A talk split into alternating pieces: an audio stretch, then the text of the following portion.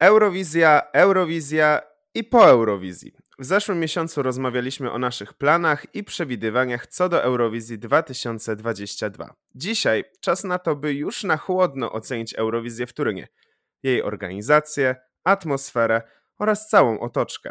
Ja nazywam się Tomek Berkowski i ponownie witam w tym podcaście członków redakcji portalu Eurowizja.org Kasię Leśniewską. Cześć! I Mieszka Czerniawskiego. Cześć, cieszę się, że słyszymy się w takim składzie. Także nie przedłużając, hey ho, let's go! 12 punktów. Podcast Eurowizja.org. Pierwsze pytanie. Co powiecie o tegorocznym top 3 Eurowizji oraz o pozycji Polski? Jesteście zadowoleni? Może zaskoczeni? Dobrze, to ja zacznę. E, top 3 tegorocznej Eurowizji, czyli Ukraina, Wielka Brytania, Hiszpania. E, no ja jestem mimo wszystko zaskoczona. E, po pierwsze jestem zaskoczona tym zwycięstwem Ukrainy. Jakoś do końca w to nie wierzyłam, mimo przewidywań bookmacherów. Jestem bardzo na plus zaskoczona tą okazaną solidarnością przez całą Europę. Mm, tak naprawdę każdy kraj przyznał bardzo wysoką, jeśli nie maksymalną ilość punktów w televotingu Ukrainie. E, nie spodziewałam się tego, ale bardzo mnie to gdzieś tam cieszy, e, no bo w końcu też po to została stworzona Eurowizja, żeby zjednoczyć tą europejską publikę. Mm, I to jest jak najbardziej uważam na plus. Jeżeli chodzi o pozostałą dwójkę, to nie przewidywałam e, na przykład Hiszpanii w top 3 Myślałam gdzieś tam ostatnie takie moje myśli przed sobotą takie były, że walka rozegra się między Wielką Brytanią a Szwecją. E, I jestem daleka od stwierdzenia, że gdyby, gdyby nie wojna w Ukrainie i gdyby nie obecna sytuacja w Europie, e, to, że wygrałoby UK, UK, e, myślę, że po prostu te głosy inaczej by się rozłożyły, ale jestem bardzo zadowolona z tego miejsca Wielkiej Brytanii i Hiszpanii również, bo na pewno wpłynie to dobrze na ich image w, w konkursie, e, na odbieranie w kraju. Oba kraje zanotowały bardzo dobrą e, oglądalność, także, także super. Jeżeli chodzi jeszcze o top 3, to myślę, że super warte jest e, wspomnienie tego, co się zadziało w televotingu, to znaczy drugie miejsce Mołdawii. Myślę, że to jest coś, co mnie bardzo zaskoczyło i pokazało, że Europa wciąż lubi się bawić i, i potrzebujemy takiej, takiej energii. E, ta piosenka gdzieś tam e, mołdawska stała się takim cichym zwycięstwem, zwycięzcą, mam wrażenie, e, i zaskoczyła. Jeżeli chodzi o jeszcze UK i Hiszpanię, tak wracając trochę, myślę, że to jest bardzo dobrze też dla preselekcji. No i to się wiąże z Polską. Polska zajęła swoje piąte najlepsze miejsce na Eurowizji. Tak, e, dwunaste miejsce Polski e, uważam, że bardzo dobre. E, tuż tak naprawdę poza top 10 myślę, że super, myślę, że super wynik. Tak paradoksalnie myślę, że zaszkodziła nam pozycja startowa trochę w finale, mimo że gdzieś tam podczas analizowania tego running orderu, po tym jak wyszedł, myśleliśmy, o super, końcówka tutaj, trzecia dziesiątka, bardzo dobrze, ale myślę, że po prostu ta końcówka była też bardzo mocna. Myślę, że y, mocne skupienie było na Mołdawii, Szwecji, UK, y, Australii, Serbii. Y, myślę, że troszkę gdzieś tam ta piosenka mogła się zagubić, aczkolwiek myślę, że mamy wszelkie powody, żeby się cieszyć. I też myślę, że to jest dobrze dla przyszłości, że gdzieś tam te preselekcje nas zapoznały z utworami, gdzieś polska publika była zapoznana. Również mieliśmy gigantyczną publikę w Polsce, mieliśmy duże zainteresowanie konkursem, no i awansowaliśmy do finału, to już jest sam sobie sukces, także e, oceniam to, jestem zadowolona i zaskoczona, wracając do pytania. Jeśli ja miałbym podsumować e, czołową trójkę, no to myślę, że muszę się zgodzić tutaj z Kasią, że też nie spodziewałem się zwycięstwa Ukrainy, choć wiele było takich symptomów i objawów, że ta Ukraina wygra Eurowizję. Myślę, że można najłatwiej przytoczyć i rankingi bookmacherów, ale też y, oczekiwanie społeczne osób, które nie są związane stricte z Eurowizją, osób, które nie śledzą tego konkursu, one obstawiały właśnie najczęściej Ukrainę. Myślę, że to dla samego konkursu to też dobrze, że wygrała taka mm, propozycja, tak jak powiedziała Kasia, że Eurowizja w Eurowizji zadziałało to, co działało na początku, czyli że udało nam się stworzyć jedność wokół jakiejś wartości. Tym razem jest to oczywiście wojna w Ukrainie i, i, i ta cała trudna sytuacja dla, dla tego narodu. Natomiast jeśli chodzi o muzyczny aspekt, mi się ta propozycja też podobała. Ja nie obstawiałem jej, że ona zajmie miejsce w czołowej trójce i gdybym ja miał e, stworzyć swój taki prywatny ranking po Eurowizji, myślę, że Ukraina zajęłaby miejsce piąte, ale to też pokazuje, że dla mnie ten utwór jest y, naprawdę ciekawy, y, nowoczesny w pewnym stopniu, a w pewnym stopniu sięgający do tradycji, co jest moim zdaniem świetnym y, miksem i, i tym, co Ukraina robi najlepiej, jeśli chodzi o, o Eurowizję. I my, jako, jako Polska, możemy pozazdrościć Ukrainie, że znalazła swoją drogę na konkurs i, i korzystając z, tej, z, tego, z tego właśnie zabiegu, udaje się zajmować co roku dobre miejsca. Dla nas już to dwunaste miejsce tutaj, trochę przechodząc do tego tematu Polski, jest miejscem e, świetnym, aczkolwiek e, faktycznie oczekiwania były dużo wyższe. Ja też e, spodziewałem się, że Polska może zająć miejsce w czołowej dziesiątce, nawet byłem przekonany o tym, że tak powinno być. Tych słów się nie wypieram. Myślę, że optymalnym miejscem dla Polski byłoby miejsce siódme, czyli powtórzenie sukcesu ich troje, bo z jednej strony trzeba docenić świetny wokal Krystiana, z drugiej strony też prezentację, która była w swojej formie niebanalna i, wyjątkowa jak na, na dotychczasowe polskie stagingi. Aczkolwiek też y, to, co powiedziała Kasia, nie jestem zszokowany, że y, ta propozycja w jakiś sposób przepadła, bo byliśmy po dwóch silnych piosenkach, y, które zostały mocno docenione przez jury, czyli mówię tutaj o Wielkiej Brytanii, w zasadzie trzech, Wielkiej Brytanii, Australii i Szwecji, gdzie Wielka Brytania i Australia mają podobną stylistykę, ale jednak troszkę więcej tych elementów scenicznych znalazło się na samej scenie. No, w polskim występie też oczywiście mieliśmy, mieliśmy coś, co przykuwało e, uwagę. Mowa tutaj przede wszystkim o tych nakładkach wizualnych, e, ale rzeczywiście, rzeczywiście nie było tych konstrukcji, e, nie było tego kolorytu, tych świateł, jakiegoś takiego stroju, który byłby czymś wyróżniającym się, więc może tego zabrakło też temu występowi, żeby zająć wysokie miejsce, a z kolei zaraz po Polsce była Serbia, która jest zjawiskiem w zupełnie innym tego słowa znaczeniu. Mowa tutaj przede wszystkim o przesłaniu piosenki, o właśnie też stroju i całej takiej oprawie scenicznej, o, o innym tempie piosenki, tak więc myślę, że ta pozycja startowa, tak jak powiedziała Kasia, no, nam nie pomogła. Bardzo cieszę się z tego, że Hiszpania zajęła miejsce w czołowej trójce. To jest mój e, personalny zwycięzca. Uważam, uważam że e, Chanel powinna zająć pierwszą pozycję ze względu na no przede wszystkim na widowisko, które stworzyła podczas e, tej Eurowizji, e, ale też rozumiem, że nie do każdego ta piosenka mogła przemówić, jeśli chodzi o wartości estetyczne, czy, no, czy w ogóle jeśli chodzi o, o, o formę śpiewania. Chociaż jak popatrzymy na wyniki, no to właśnie Hiszpania, Wielka Brytania, Szwecja, one otrzymały mniej więcej porównywalną liczbę punktów od widzów i jurorów, więc to też pokazuje, że w skali Europy te utwory były najciekawsze. Ja przyznam szczerze, że trochę mnie zaskoczyło, może nie tyle co zwycięstwo Ukrainy y, w tegorocznej Eurowizji, ale tak wielkie poparcie wśród widzów, e, więc to, to na pewno tutaj e, z tych e, zaskoczeń u mnie. Przesłuchałem nasz poprzedni odcinek, gdzie mówiłem, że się spodziewam jednak flopu Wielkiej Brytanii, także tutaj się kajam publicznie, bo jednak ten występ był naprawdę dobry. Nie wiem, czy aż na drugie miejsce, na pewno ja bym go umieścił gdzieś w czołowej dziesiątce. E, no, Hiszpania super, po prostu tam wszystko pasowało.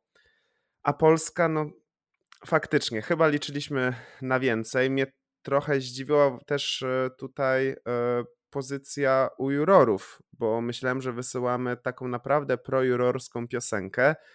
No ale to na pewno też właśnie kolejność startowa na to wpłynęła. Notabene w sobotę 21 maja byłem na koncercie Go A którego wokalistka e, Kateryna podawała punkty e, z Ukrainy, gdzie jakby myślę, że wielu z nas spodziewało się, że e, jakieś punkty od ukraińskich jurorów dostaniemy. Tak się nie stało i, i, i właśnie na tym koncercie Kateryna mówiła, że y, pamiętajcie to liczą się punkty od e, Ukraińców, od, od publiczności. E, od, od nich dostaliśmy dwunastkę, a, a ukraińskie jury było po prostu, cytuję, głupie. Mm, także no, jakoś niby człowiek e, się spodziewał więcej, ale tak, zdecydowanie myślę, że jest czym się e, cieszyć, bo to jest faktycznie nasz piąty najlepszy wynik w historii Polski na Eurowizji. Ale przechodząc dalej, pytanie o organizację. Mieszko, myślę, że możesz nam zdradzić kilka smaczków z centrum prasowego, bo jako jedyny z nas e, tutaj miałeś tę szansę w nim się znaleźć. A my na pewno możemy z Kasią powiedzieć kilka słów chociażby o Eurovillage. No i chyba wszyscy możemy sobie ponarzekać chociażby na Eurokluby. Tak, to oczywiście była wielka przyjemność i nawet powiem, że zaszczyt, że mogłem otrzymać tę akredytację, bo w tym roku nie było to e, prosto. My jako Eurowizja Ork otrzymaliśmy łącznie trzy akredytacje, z czego dwie stacjonarne i jedną, jedną zdalną. E, I to, i, to, I to był jakby komplet. Nie próbowaliśmy żadnych zabiegów, nie, nie próbowaliśmy starać się o akredytację z drugiego źródła. Wszystko z naszej strony zostało zrobione sprawiedliwie, fair i, i, i mimo to, że te dwie akredytacje, bo de facto to są dwie akredytacje osób, które są stacjonarnie, to jest bardzo mało, jeśli chodzi o tempo pracy, ale też jeśli chodzi o mm, liczbę narzędzi i platform, które mm, teraz są wykorzystywane w 2022 roku do e, promocji, do komunikacji, e, działań redakcji czy w ogóle Eurowizji. Mm, natomiast jeśli chodzi o samo centrum prasowe, Moim zdaniem Włosi nie powinni organizować dużych e, wydarzeń, czy to, czy to właśnie muzycznych, pewnie też podobnie jest z innymi dziedzinami. Przede wszystkim dlatego, że oni mają zupełnie inną filozofię życia i im się nigdy nie spieszy, oni nie przykładają wagi do jakichś takich detali. To, co jest dla innych problemem, dla nich jest tylko pewną drobną komplikacją i w zasadzie każdego dnia w centrum prasowym coś się działo, co, co z punktu widzenia dziennikarzy bardzo utrudniało pracę. Mam tu na myśli w zasadzie przez całe dwa tygodnie problemy z internetem, że, że tego internetu nie było, że przerywało nam live, że nie można było przesłać plików, że nie można było pobrać zdjęć. To internet jest niestety podstawą w tym momencie, bo, bo praca mm, nie tylko portali, ale praca w ogóle mediów eurowizyjnych, czy jesteś radiem, czy jesteś telewizją, opiera się przede wszystkim na stabilnym łączu internetowym. Jeżeli nie masz internetu, no to nie zrobisz live'a. Jeżeli nie masz internetu, nie prześlesz plików do, do, do swojego kraju, do, do innych osób, które będą się zajmować ich obróbką. Jeżeli nie masz internetu, to nie zrobisz żadnych działań bieżących, nie pobierzesz właśnie zdjęć, nie wstawisz postu i tak dalej, tak. Więc to jest naprawdę mega ważne, tego nie było. Jednego dnia na przykład wysiadło ogrzewanie w ogóle w centrum prasowym i no to też jest trudna sytuacja, bo na, na co dzień jest 25 stopni i słońce. W ciągu dnia, kiedy wychodzisz do centrum prasowego, wychodzisz z tego centrum o godzinie pierwszej, temperatura spada powiedzmy do 10. I jeżeli nie ma ogrzewania, a jesteś w namiocie, no to możecie sobie wyobrazić, ile stopni było wewnątrz. No niewiele więcej niż na zewnątrz, tak? Więc jeżeli jesteś w samej podkoszulce, no to nie jest lekko, można być chorym można, można łatwo właśnie dostać jakieś infekcji. E, szczególnie w takim trybie, jak jest Eurowizja, gdzie jest y, mnóstwo e, pracy, mało snu, dużo zmęczenia, mało się je, więc, więc no to nie było ok. No i ta trzecia rzecz a propos centrum prasowego, która też moim zdaniem była na niekorzyść, no to jest organizacja tych wszystkich y, dodatkowych y, rzeczy, jakichś wycieczek, które oczywiście były, ale teoretycznie odbywały się w w godzinach, kiedy były jedyne próby, które mogliśmy oglądać z areny, więc nikt oczywiście nie brał udziału w tych wycieczkach. Tak więc no było coś, ale tak naprawdę nie było to dla nas, dla nas e, dostępne. E, też mogę ponarzekać, jeśli chodzi o narzekanie na stoiska partnerów. Jestem mocno zawiedziony właśnie TikTokiem, mm, o czym się wypowiedziałem już w osobnym felietonie i do którego właśnie zachęcam. I mam nadzieję, że macie lepsze odczucia, jeśli chodzi o Eurovillage, bo moim zdaniem centrum prasowe jest do poprawy i potrzeba naprawdę, naprawdę jakichś takich solidnych e, wniosków z tego roku, by e, nawet w przypadku tej Eurowizji Junior, żeby nie powtórzyły się problemy z Turynu i Paryża. To ja się może troszkę odniosę e, w swojej wypowiedzi do tego, co widziałam w Tel Awiwie. E, bo to była moja pierwsza Eurowizja stacjonarna, no i teraz do tego, jak to było we Włoszech. Ogólnie, jeżeli chodzi o Eurovillage, to przede wszystkim chciałam powiedzieć, że to jest w ogóle super inicjatywa, że jest coś takiego. bo to pozwala jakby być takim miejscem, przestrzenią dla fanów, którzy przyjeżdżają oglądać Eurowizję z całego świata, z całej Europy, a niekoniecznie, nazwę to tak kolokwialnie, bawią się w bycie dziennikarzami, to znaczy po prostu przyjeżdżają dla muzyki, dla atmosfery, no i też nie chodzą na wszystkie live shows, tylko chcą gdzieś obejrzeć koncerty pozostałe i poznać może inne, innych e, fanów konkursu. Uważam, że to jest super pomysł, ale to też jest takie miejsce, gdzie może przyjść ta społeczność lokalna. W tym przypadku byli to mieszkańcy Turynu i po prostu zobaczyć, na czym to wszystko polega, o co chodzi, że to ich miasto organizuje takie wydarzenie i z tego punktu widzenia uważam, że to jest super i że wybrane zostało bardzo fajne miejsce, bo był to w Turynie taki e, spory park, e, który również miał takie górki i był tak, no, taką przestrzenią, gdzie jakby można było się naprawdę spotkać, posiedzieć wieczorem. E, to było dość tak na chillu zrobione, aczkolwiek było to, był to dużo mniejszy teren niż w Tel Awiwie, który niestety z góry był skazany na porażkę ze względu na, na tą organizację tam. Były tam bodajże trzy czy cztery telebimy, again, znowu dużo mniejsze niż w Tel Awiwie. E, I też rozłożenie tego wszystkiego budziło moje, budziło kontrowersje, nazwijmy to. E, to znaczy, punkty gastronomiczne, czy to i to je były dostępne przy wejściu, czy te, tudzież w drodze do miejsca, gdzie, gdzie można było oglądać transmisję e, na telebimach.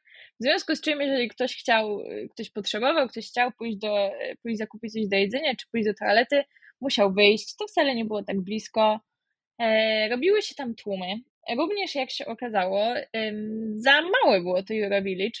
E, nam z Tomkiem oraz z resztą naszej ekipy, e, było nas całkiem sporo w, w Turynie, udało się pójść do Eurovillage na oba półfinały, natomiast gdy planowaliśmy udać się na finał, to okazało się, że przybycie do Eurovillage dwie godziny przed, przed konkursem było to nie, był to niewystarczający czas. Wielu osób nie wpuszczono, mimo że e, teoretycznie, znaczy teoretycznie, praktycznie mieściło się w tym Eurowillage 20 tysięcy osób. Okazało się to być za mało. Także to było coś, co na pewno wpłynęło na naszą e, nieco nerwowość przed samym finałem. E, ale ogólnie super. Ogólnie uważam, że Eurovillage powinno być ulepszone, ale sam koncept jest bardzo fajny. Jeżeli chodzi o inne takie organizacyjne rzeczy, no to zdecydowanie uważam, że w ogóle poległa taka strona miasta jako organizatora. Niby wszędzie były plakaty, informacje w sklepach, że w Turynie coś takiego odbywa. Były takie małe flagi porozwieszane, e, ale w sumie to na tym koniec. Nie było ani żadnych shuttle busów, ani jakichś takich ekstra komunikacji miejskiej. E, jeżeli chodzi o te wycieczki, e, no to tak, jakby tak jak Mieszko powiedział, były dla dziennikarzy zorganizowane w trakcie kluczowych prób, e, ale na przykład nie było dla osób, które w ogóle nie są związane jakkolwiek z byciem prasą. Ja w Tel Awiwie sama korzystałam z takich walking tourów, gdzie można było poznać historię jakiejś dzielnicy, historię miasta, historię państwa Izrael i było to dla mnie niezmiernie ciekawe, jeżeli chodzi o promowanie miasta czy kraju e, jako destynacji turystycznej, to zdecydowanie wpłynęło to bardzo pozytywnie na mój odbiór. Dużo chętniej wrócę do Tel Awiwu niż do Turynu, ponieważ o Turynie nie, nie dowiedziałam się absolutnie niczego. E, zwiedziłam parę muzeów na własną rękę, które również w dużej części były dostępne tylko po włosku.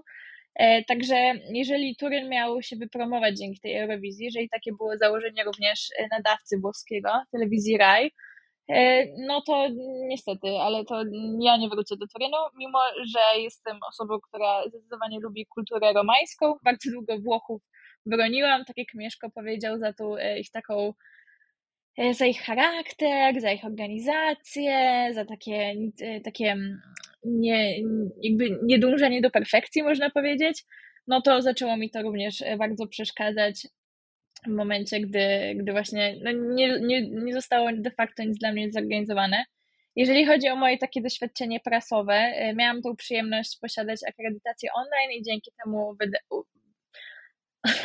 dzięki temu y, wybrać się na turkusowy dywan, gdzie również nikt nie wiedział, co z nami, y, to znaczy osobami akredytowanymi online zrobić. Przybyliśmy na miejsce, i powiedziano nam, że musimy poczekać na osobę, która się na tym zna, która wie, co robić.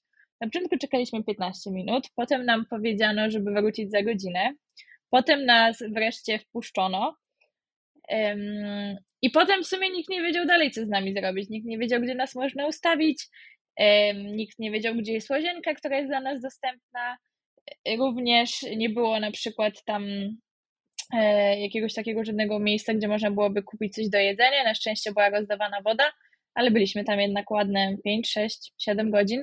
Ogromny plus za lokalizację, bo naprawdę było to piękne miejsce e, i myślę, że tutaj należy e, Włochom jednak coś tam oddać, że, że rzeczywiście było to fajnie zorganizowane.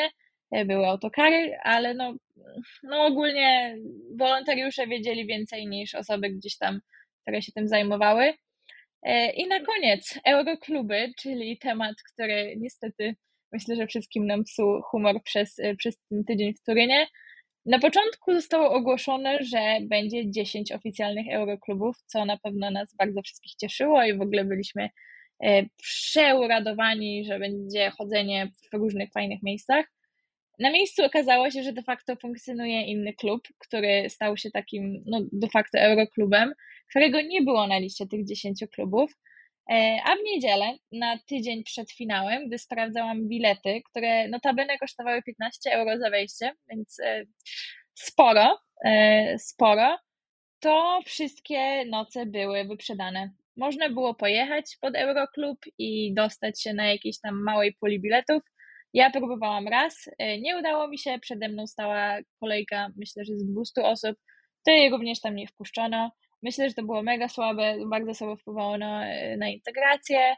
Nie było takiego miejsca, gdzie można by się wieczorem e, wyluzować, po prostu pobawić do tych piosenek. Na co czekaliśmy przez całą pandemię, tak? Wspominałam to w 90% filmików z reakcjami, że do tej piosenki będziemy bawić się w Euroklubie. No i niestety nic z tego.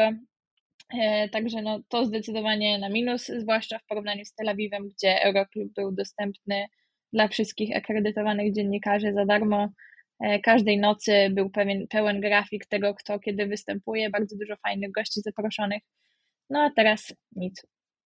Ja wiem, że jakby nie powinno się porównywać Izraela i Włoch, w sensie no to są jednak różne gospodarki i tak dalej. Też jesteśmy e, tak naprawdę dwa lata po, po wybuchu pandemii e, koronawirusa, więc to też wpłynęło na ekonomię państw. Włochy dużo mogą o tym powiedzieć, bo jednak e, E, COVID bardzo ich e, doświadczył. Natomiast ludzie, prawie 70 zł za wejście do Euroklubu to jest parodia. Więc tutaj te Eurokluby mocny minus. Dobrze, że znaleźliśmy sobie lokal, w którym no może nie było tak bardzo dużo muzyki eurowizyjnej, ale na pewno przemyciliśmy trochę jej, między innymi Akile Lauro, e, który już pierwszej nocy był e, dla nas grany także fajnie. Co do Eurovillage, zdecydowanie super pomysł, natomiast wykonanie słabe.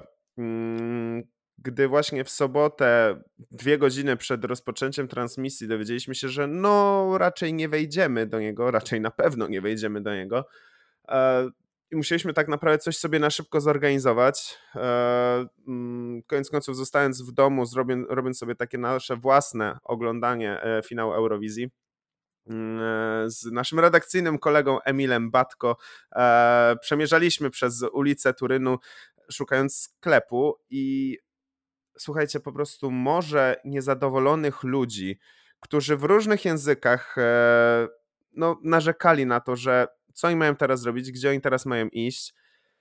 No na pewno bardzo złe wrażenie e, to zrobiło. Mm, przynajmniej no, w moim odczuciu, tak, że Turyn nie do końca podołał e, organizacji e, tej Eurowizji. No ale właśnie, Turyn, miasto, kolebka Republiki Włoskiej, pierwsza stolica Włoch, łączące ze sobą barokową starówkę, industrialne przedmieścia, pełne muzeów, różnych perełek architektonicznych, ale jednocześnie w mojej ocenie takie trochę po prostu nudne. Mm, I patrząc właśnie też przez pryzmat poprzedniej Eurowizji, w moim przypadku Tel Awiwu, no szału nie ma. Także moi drodzy, czy polecamy Turyn jako atrakcję turystyczną i czy chcemy tam w ogóle wrócić? I czy w najbliższych latach chcemy Eurowizji we Włoszech? Ja powiem krótko, nie. Ja jestem naprawdę osobą, która bardzo, bardzo lubi kulturę tamtych rejonów, Włochy, Francja. Można powiedzieć, że Turyn e, też należał do Francji czy do mm, różnych krain francuskojęzycznych przez pewien e, okres historii. Myślałam, że będzie super. Myślałam, że to będzie w ogóle the best of both worlds, jak kiedyś powiedziała Hannah Montana, e, ale, ale nie było. I to jest zdecydowanie najgorsze miasto włoskie, w jakim kiedykolwiek byłam bardzo mi się nie podobało. Było tam brudno, komunikacja miejska nie działało, nie działała, był absolutny brak klimatyzacji, nie dało się nigdzie kupić biletów. Było to wszystko jakoś tak kulawo zorganizowane. Co więcej, był problem z jedzeniem, co w ogóle myślałam, że we Włoszech nie ma prawa się wydarzyć. Abstrahując od tego, że nie dało się pójść do żadnej restauracji, podkreślam żadnej, między 14 a 18.30, ponieważ panowała siesta, co nas zdziwiło z Mieszkiem ostatniego dnia. Również na lotnisku nie była czynna kuchnia do godziny 18.30. To też to jedzenie nie było aż tak dobre, jak e, zdarzało mi się jeść we Włoszech. Na przykład przez, przed tydzień, e, przed przyjazdem do Turynu byłam w Rzymie i to było dla mnie coś w ogóle nieporównywalnego. E, jeżeli miałabym w ogóle powiedzieć coś o tym mieście, to szczerze mówiąc powiem, że ono jest totalnie nijakie niby jest w górach, niby jest właśnie niedaleko Francja, Alpy, niedaleko jest również Szwajcaria. To, to jest trochę taki Mediolan na sterydach najgorszym tego słowa znaczeniu. On jest taki właśnie industrialny, architektura jest taka nijaka, jest niezorganizowany, trochę nawet brudny. Mam wrażenie, że jest tam wieczna budowa. Niby to ma być ta bogata północ, a szczerze mówiąc, nie zauważyłam jakoś tego bogactwa. Hmm. No, no ja do Turynu nie wrócę. I szczerze mówiąc, y, myślałam o tym, że może będę latała na narty właśnie do Turynu, no bo takie łatwe połączenie z Polski, nie trzeba jechać autokarem 20 godzin. No niechętnie wrócę na to lotnisko, bo nawet ono wywarło na mnie y, taki y, zły, złe wrażenie. Już przez ostatnie dwa dni wręcz mówiłam, dlaczego to nie jest Bolonia. To miasto jest dużo ładniejsze, również ma areny, jest lepiej zorganizowane. Nie wiem, w nie były igrzyska w 2006 roku. Czy oni się niczego nie nauczyli? Krótko mówiąc, nie polecam. A naprawdę długo broniłam Włochów. Ja też nie wrócę do Turynu, do Włoch wrócę oczywiście jak, naj, jak najbardziej chętnie. Ale czy Eurowizja powinna wracać do Włoch? Tak jak powiedziałem w poprzednim, poprzedniej części naszego podcastu, nie, moim zdaniem Włochy nie powinny organizować tego typu wydarzeń, bo nie przestają pod względem jakichś takich, nie wiem, cech charakteru, ludności, która się zajmuje potem, potem tym konkursem. I to było bardzo widać w Turynie, że oni totalnie nie byli przygotowani na tę Eurowizję. Oni żyli w swoim świecie Moim zdaniem e, kolejna Eurowizja w Turynie na pewno nie powinna się odbyć i myślę, że Eurowizja we Włoszech również to nie jest dobry pomysł. Przede wszystkim dlatego, że Włosi mają zupełnie inny zestaw e, cech, którymi, które są dla nich ważne i którymi żyją na co dzień i to było widać czy to właśnie w, przy organizatorach, jak na przykład w kwestii bezpieczeństwa, mm, jak na przykład w kwestii właśnie kierowania do różnych punktów. Ja sam miałem taką sytuację, że, że od pewnego dnia zamknięto wejście, którym wchodziłem do centrum prasowego i skierowano mnie mm, naokoło całego obiektu, czyli mowa tutaj o hali i stadionie piłkarskim. I wszystko byłoby w porządku, gdyby po pierwsze powiedziano to wcześniej, a po drugie, gdyby udało się skomunikować w języku angielskim, bo przez to, że właśnie tutaj z angielskim był ogromny problem, jeśli chodzi o organizatorów e, i w ogóle o Włochów, gdziekolwiek się nie poszło, to musiałem przez pół godziny iść w okropnym słońcu i szukać tego drugiego wejścia do centrum prasowego, a jak się potem okazało, mogłem po prostu iść delikatnie w bok i w 5 minut pokonać tę trasę, tylko oczywiście nikt nie był w stanie tego wytłumaczyć po angielsku. Mm, ale też to właśnie, mówię, ten taki chaos organizacyjny widać było po Włochach w różnych punktach. Y, oni nie wiem, czy oni nie, nie, są przygotowani w Turynie na tak dużą liczbę turystów, czy właśnie wręcz przeciwnie, mają tych turystów cały rok i ta Eurowizja nie robi na nich wrażenia, więc dlatego po prostu byli sobą i nie dostosowali się trochę do, do, do tego turysty europejskiego, bo no tak, to co powiedziała Kasia, problem z kupieniem biletów, e, problem z wypłaceniem pieniędzy, bo nie było bankomatów, natomiast y, część rzeczy, właśnie jak bilety, można było kupić jedynie mm, gotówkowo. Czy to, właśnie, y, czy to właśnie problemy z różnego rodzaju knajpami, barami? Y, mamy ogromne szczęście, że nam się trafił ten jeden lokal irlandzki, który był otwarty do trzeciej i mogliśmy tam spędzać każdy wieczór. Natomiast no, to, co, to, co powiedzieliście, no, Eurokluby to było ogromne rozczarowanie. I w ogóle sama widoczność Eurowizji w mieście to było rozczarowanie. Jest to dla mnie porównywalne do Lizbony, gdzie też tej Eurowizji w mieście nie było, poza jakimiś tam plakatami na przystankach.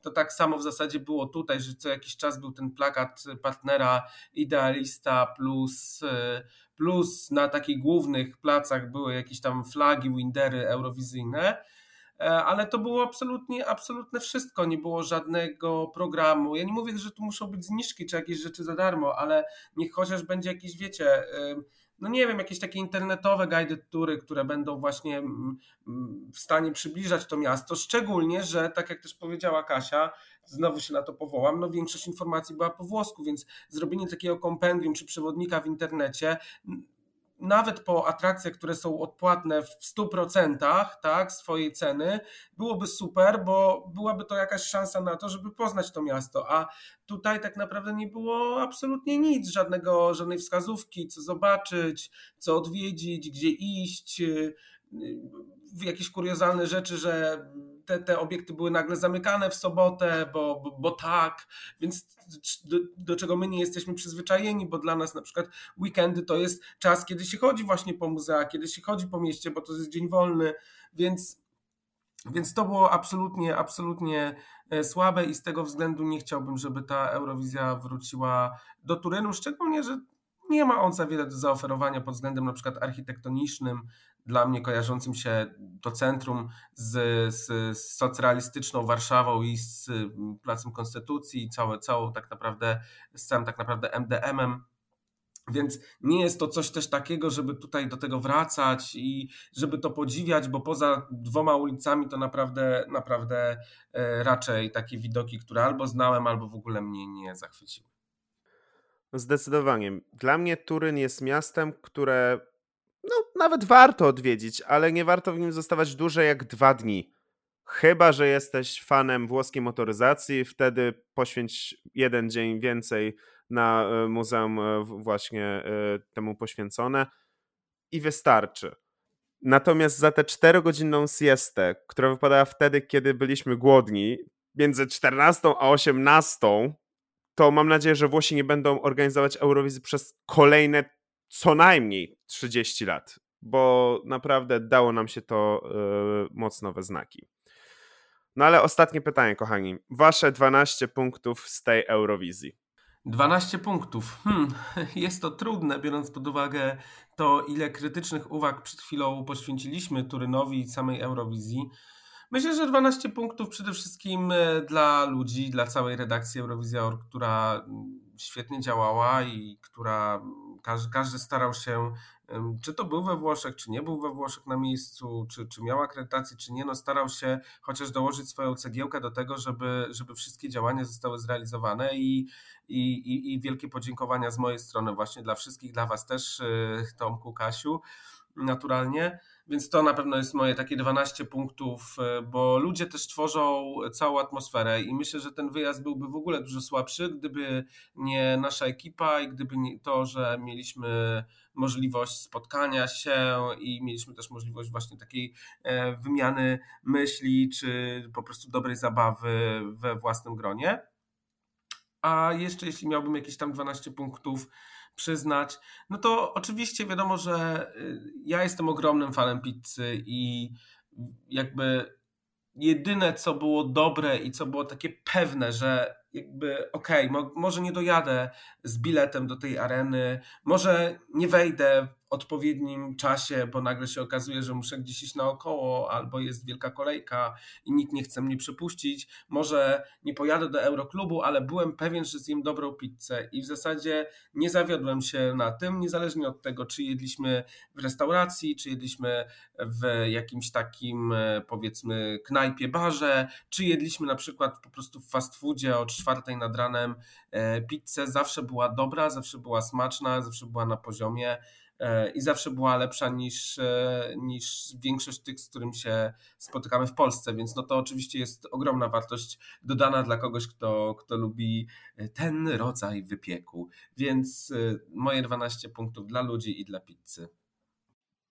To ja w sumie dość podobnie. Chciałabym dać moją dwunastkę artystom tegorocznym e, za ich zachowanie, za jaką społeczność tworzyli, za takie wzajemne wsparcie, co sama obserwowałam naocznie e, podczas turkusowego dywanu, za to też, jak e, się zaprzyjaźniali ze sobą przed jeszcze przyjazdem do Turynu, za ich różne wspólne inicjatywy, za to, co się teraz też dzieje za to, ile chcą ze sobą podjąć właśnie współprac takich już muzycznych, za to, jak też ich utwory trafiły na, na listy przebojów. Myślę, że mieliśmy tak zwane e, Class of 2022, e, bardzo fajne e, i, i zdecydowanie oni gdzieś tam poprawiali cały imidż tej tegorocznej Eurowizji, to funkcjonowanie.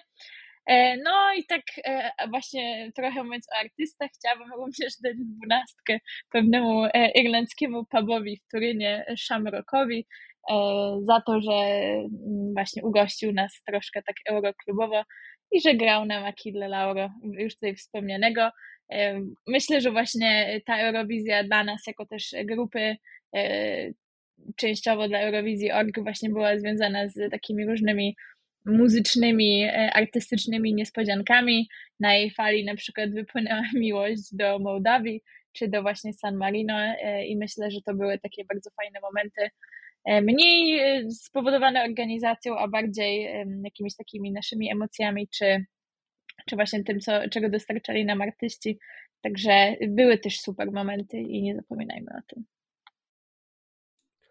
Totalnie z wami się zgadzam i dlatego moje 12 punktów wędruje do ekipy z e, apartamentu przy Via Cesare Lombroso oraz osób, które z nami się po prostu w tym Turynie trzymały, bo może się dziać naprawdę wiele niezbyt przyjemnych rzeczy, ale z taką ekipą to naprawdę wszystko będzie ok. I chyba tym optymistycznym akcentem zakończymy dzisiejszy odcinek. Bardzo serdecznie Wam dziękuję za poświęcony czas. I co, do szybkiego zobaczenia. Do zobaczenia i może szybciej niż na Eurowizji 2023, tudzież Eurowizji Junior 2022. To ja po raz ostatni w tym sezonie powiem arrivederci, tudzież ciao. Niestety mam nadzieję, że już nie do zobaczenia we Włoszech, ale było fajnie. Trzymajcie się, cześć.